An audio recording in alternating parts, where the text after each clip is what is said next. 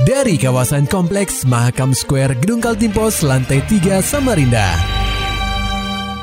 96,8 KPFM.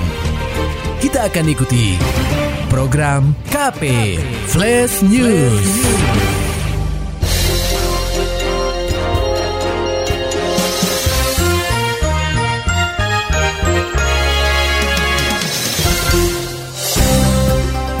Pendengar KP saat ini Anda sedang mendengarkan program KP Flash News bersama saya Ian Krisna. Inilah berita utama hari ini. Berita utama. Pendengar KP, anggota Komisi 1 DPRD Kaltim dukung penuh wacana usulan Ranperda pengelolaan alur Sungai Mahakam. Laporan selengkapnya akan disampaikan reporter KPFM Samarinda Muhammad Nur Fajar. Pendengar KP, DPRD Kaltim sedang mempersiapkan pembentukan rancangan peraturan daerah atau ranperda pengelolaan alur Sungai Mahakam supaya mampu menghasilkan pendapatan asli daerah atau PAD baru di benua etam. Namun usulan ranperda tersebut masih belum masuk dalam program pembentukan peraturan daerah atau Propemperda tahun 2023 dari Badan Pembentukan Peraturan Daerah atau Bapemperda DPRD Kaltim. Meski demikian, Dukungan penuh terhadap rencana usulan Ranperda ini disampaikan anggota Komisi 1 DPRD Kaltim, M. Udin. Politikus Partai Golkar itu menjelaskan, jika melihat dengan seksama di alur Sungai Mahakam, hampir ratusan kapal tongkang batubara melintasi rute tersebut setiap harinya. Tetapi dari sekian banyak jumlahnya itu, tidak ada satupun dana dari pengolongan maupun perlintasan di alur Sungai Mahakam yang masuk ke kas daerah. Pertama setuju lah. Pertama ini menjadi PAD ini kita. Kita kalau lihat alur Sungai Mahakam kita, tongkang batu bara ini berapa ratusan ratusan tongkang keluar masuk setiap setiap anunya setiap harinya.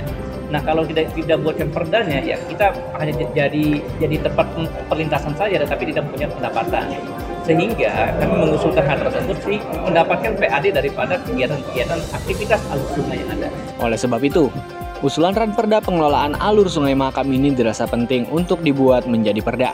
Tetapi, Udin menyebut usulan Ranperda ini belum bisa dibahas secepatnya mengingat saat ini sudah ada empat panitia khusus atau pansus yang sedang berproses. KPFM Samarinda, Muhammad Nur Fajar melaporkan. Kita beralih ke berita lain, pendengar KP Gubernur Kaltim Isran Nur memberikan dukungan dan mengapresiasi langkah pemerintah pusat dalam meluncurkan program perhutanan sosial atau Perhutsos dan program Tanah Objek Reforma Agraria atau TORA. Menurutnya, program nasional ini sangat memberi manfaat sebab menyentuh langsung ke masyarakat, khususnya bagi mereka yang berada di sekitar kawasan hutan, seperti petani dan kelompok masyarakat dalam memiliki legalitas atas tanah. Apabila mereka mendapatkan ini, Isran yakin mereka lebih bersemangat mengelola lahannya dan pastinya dapat memberi manfaat bagi kesejahteraan mereka. Apalagi lanjutnya pemerintah tetap memberikan pembinaan bagi masyarakat setelah diberi kewenangan untuk mengelola lahan hutan agar lebih baik serta bernilai ekonomis. Sementara itu, Menteri Lingkungan Hidup dan Kehutanan Siti Nurbaya menjelaskan, sesuai arahan Presiden Republik Indonesia Joko Widodo, masyarakat penerima program perhutanan sosial agar diberikan pendampingan supaya mendapat manfaat dengan pengembangan kelompok usaha perhutanan sosial atau KUPS. Hingga saat ini pendengar KP kata Siti telah terbentuk 9.985 KUPS dengan kategori pemula sejumlah 4.655 kategori silver 4.334 KUPS, kategori gold 936 KUPS, dan kategori mandiri 50 KUPS. Khusus untuk KUPS kategori silver dan gold, Siti akan berupaya meningkatkan kelas mereka menjadi KUPS mandiri. Siti menyampaikan saat ini KUPS telah menghasilkan produk komoditas seperti kopi, madu, aren, rotan, kayu putih, serta wisata alam buah-buahan nilai ekonomi dari produk komoditas yang dihasilkan kelompok telah dilakukan pendataan secara digital, di mana pengisian ekonomi baru 597 KUPS dari 9.985 KUPS atau baru 59 persen pada empat bulan terakhir di tahun 2022 dan mencatat sebesar 117,59 miliar rupiah. Lebih lanjut, pendengar KP, Siti menekankan nilai ekonomi dari kelompok masyarakat ini ditargetkan mencapai 1,1 triliun rupiah di tahun 2023 dan sebesar 2,5 triliun rupiah di tahun 2024 mendatang.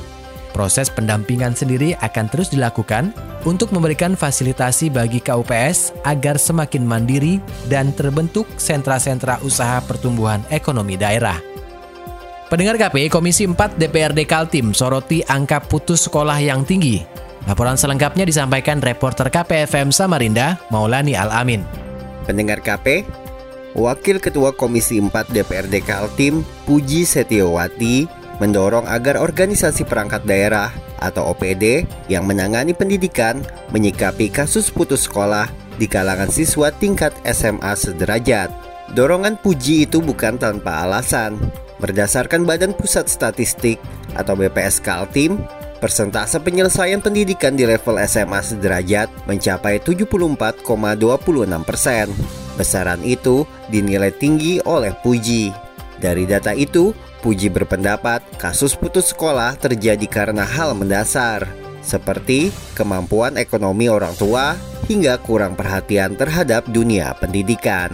Uh, perlu kita sikapin bersama karena apa? Karena uh, wajib belajar tidak hanya 12 ta 9 tahun ya, 12 tahun itu juga harus menjadi sebuah konsentrasi semua pihak khususnya pemerintah dalam rangka mempersiapkan uh, sumber daya manusia. Wakil Ketua Komisi 4 DPRD Kaltim Puji Setiawati menilai pendidikan 12 tahun merupakan hal yang sangat penting untuk dilalui seluruh anak di Kaltim dalam upaya membangun kapasitas sumber daya manusia atau SDM. KPFM Samarinda, Maulani Al-Amin melaporkan. Pendengar KP, ajang olahraga bola basket terbesar bertajuk Honda DBL East Kalimantan Series telah dimulai pada Jumat 24 Februari 2023 di Gor Serbaguna Gelora Kadrioning, Samarinda. Kompetisi bola basket bagi para pelajar ini dibuka langsung oleh Kepala Dinas Pemuda dan Olahraga atau Kadispora Kaltim Agustianur. Dalam sambutannya, Agustianur menyampaikan bahwa kompetisi ini sudah sangat ditunggu-tunggu oleh para pelajar di benua etam.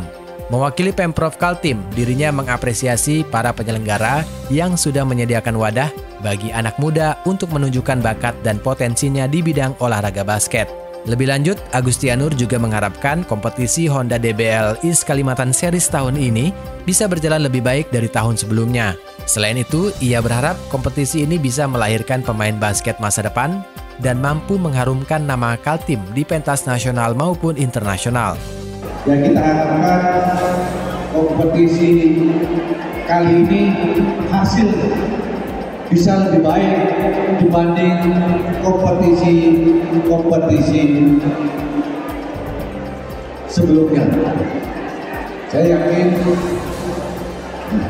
minat yang begitu besar dari kalangan pelajar kreatif di olahraga basket akan melahirkan pemain pemain yang akan nanti membawa nama bangsa ini di pentas Menutup sambutannya, Agustianur berpesan kepada para pemain agar tetap menjaga sportivitas. Sementara itu, ia juga berharap untuk para pendukung supaya dapat menjaga ketertiban dan kenyamanan saat menyaksikan kompetisi Honda DBL East Kalimantan Series 2023. Pendengar KP Pemkot ambil alih penetapan Pansus RT RW Samarinda. Baharudin Demu sebut tidak masalah. Laporan selengkapnya akan disampaikan reporter KPFM Samarinda, Muhammad Nur Fajar. Pendengar KP, Ketua Komisi 1 DPRD Kaltim, Baharudin Demu, menganggap langkah Pemkot Samarinda dalam mengambil alih pengesahan peraturan daerah atau Perda Rencana Tata Ruang Wilayah atau RTRW Samarinda adalah hal yang tidak perlu dipermasalahkan, meski tidak ingin masuk ke ranah tahapannya. Politisi PAN ini melihat bahwa sebelum mengesahkan Perda RT RW, Pemko Samarinda sudah menjalin komunikasi dan berkonsultasi dengan Pemprov Kaltim agar tidak ada perbedaan dengan RT RW Kaltim yang belum disahkan. Baharudin Demu menilai, langkah Pemkot Samarinda mengambil alih penetapan RT RW tidak menyalahi aturan. Bahkan RT RW Kaltim juga bisa diambil alih oleh Gubernur Kaltim apabila dalam waktu dua bulan setelah terbitnya substansi dari Kementerian ATR BPN DPRD Kaltim tidak kunjung melakukan pengesahan. Ya artinya ini pun juga boleh diambil oleh gubernur. Kalau sampai dua bulan DPR tidak melakukan pengesahan, ya pasti Pak Gubernur ngambil alih. Jadi memang ada PP 21 tahun 2021 itu yang membuat bahwa apabila ini misalnya tidak ketemu antara DPR dengan pemerintah pada saat sudah selesai persetujuan substansi dari Kementerian ATR, maka Pemprov boleh mengambil alih. Begitu. Jadi memang sudah terkunci. Makanya kita berharap ini selesai sebelum dua bulan. Oleh sebab itu, Ketua Pansus RT RW Kaltim tahun 2022-2042 DPRD Kaltim ini berharap agar penetapan RT RW Kaltim bisa segera selesai sebelum waktu dua bulan pasca terbitnya persetujuan substansi dari Kementerian ATR BPN. KPFM Samarinda, Muhammad Nur Fajar melaporkan.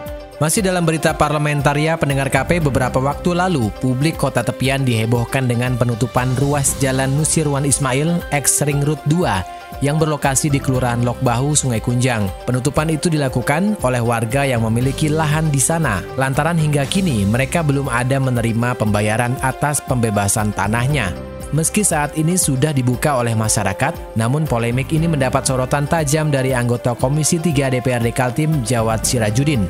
Politisi PAN ini menyampaikan, seharusnya pembayaran pembebasan lahan itu wajib dilakukan pemerintah sesuai tenggat waktu yang akan ditentukan nanti. Seharusnya, kata Jawat, kewenangan pembebasan lahan itu berada dalam naungan Pemkot Samarinda. Sementara proses pengerjaan jalan dilakukan oleh Pemprov Kaltim. Apabila dana pembebasan lahan dirasa kurang, Pemkot bisa meminta bantuan dari Pemprov dalam bentuk bantuan keuangan. Jawat pun memaklumi penutupan jalan yang dilakukan oleh masyarakat, karena hal itu semata dilakukan agar pemerintah bisa membayarkan kewajibannya kepada pemilik lahan. Ya kalau saya sih secara yuridis ya sah-sah aja, namanya ada hak orang kan wajar lah kalau dia dia demonstrasi mem memperlihatkan di layak bahwa kami membutuhkan support kan begitu. begitu segera apa pemerintah provinsi atau kota merealisasikan ruginya ya kira begitu. Ada dorongan percepatan juga enggak bang dari kita bang selaku legislatif supaya masyarakat itu bisa menerima pergantian ruginya itu tepat waktu sesuai apa yang dijanjikan. Ya harusnya sih dinas terkait yang membuat pernyataan itu hmm. akan direalisasikan pembayarannya di apa di APBD perubahan 2020.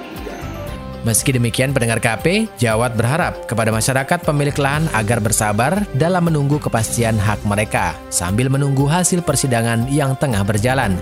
Selain itu, dana tersebut juga tidak bisa langsung diberikan begitu saja, mengingat pengalokasian anggaran pemerintah memiliki mekanisme tersendiri.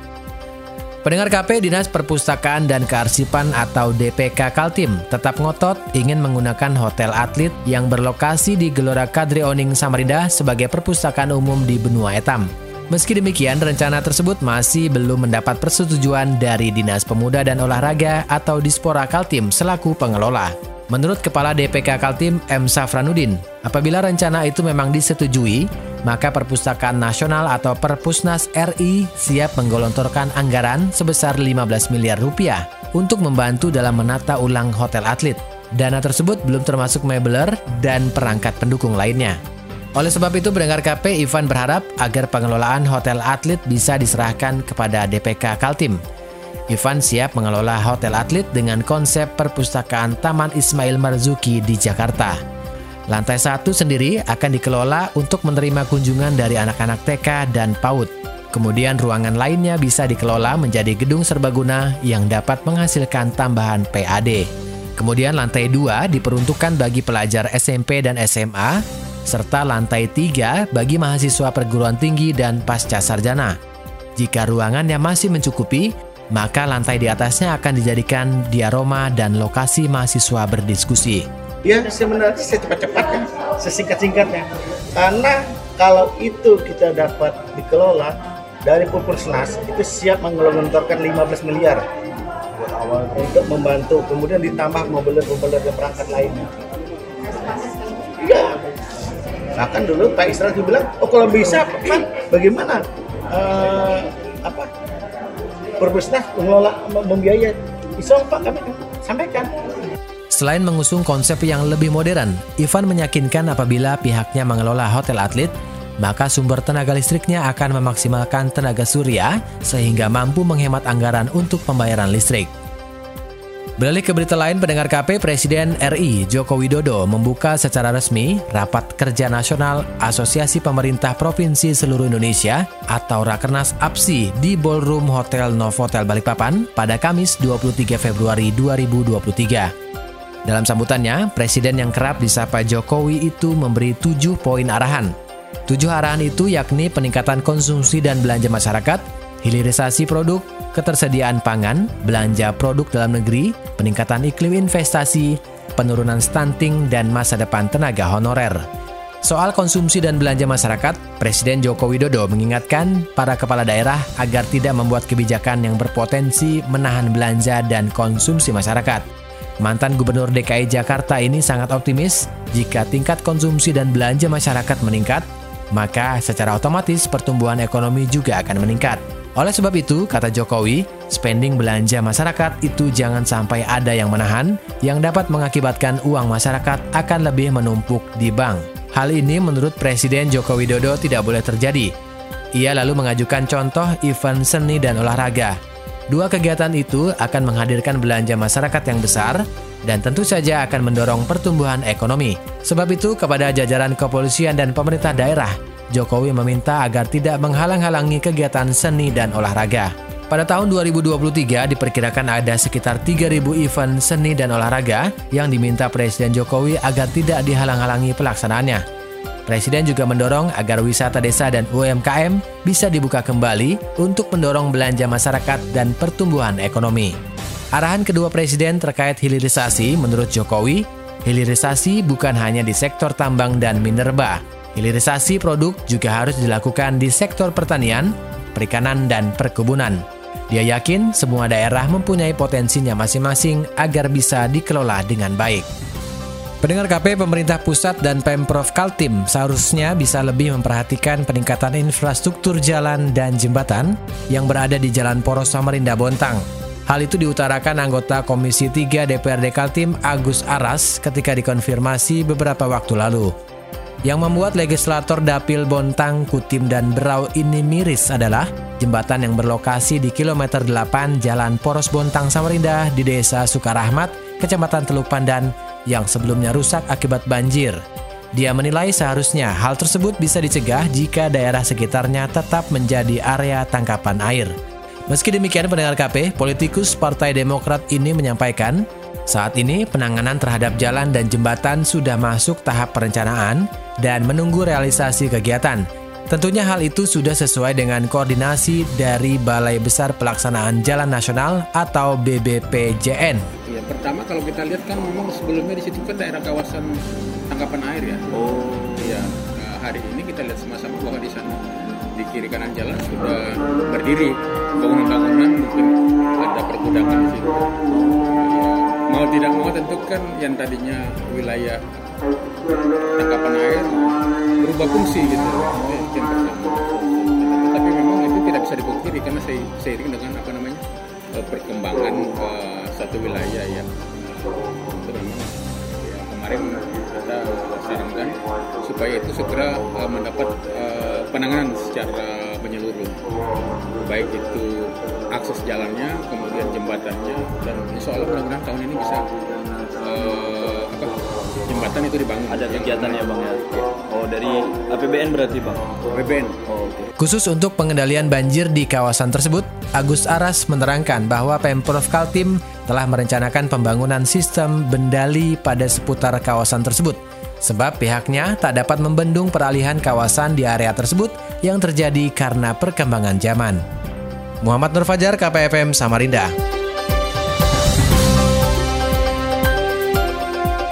Pendengar KP Anda juga bisa mendapatkan berita-berita lainnya dengan mengunjungi website www.968kpfm.co.id.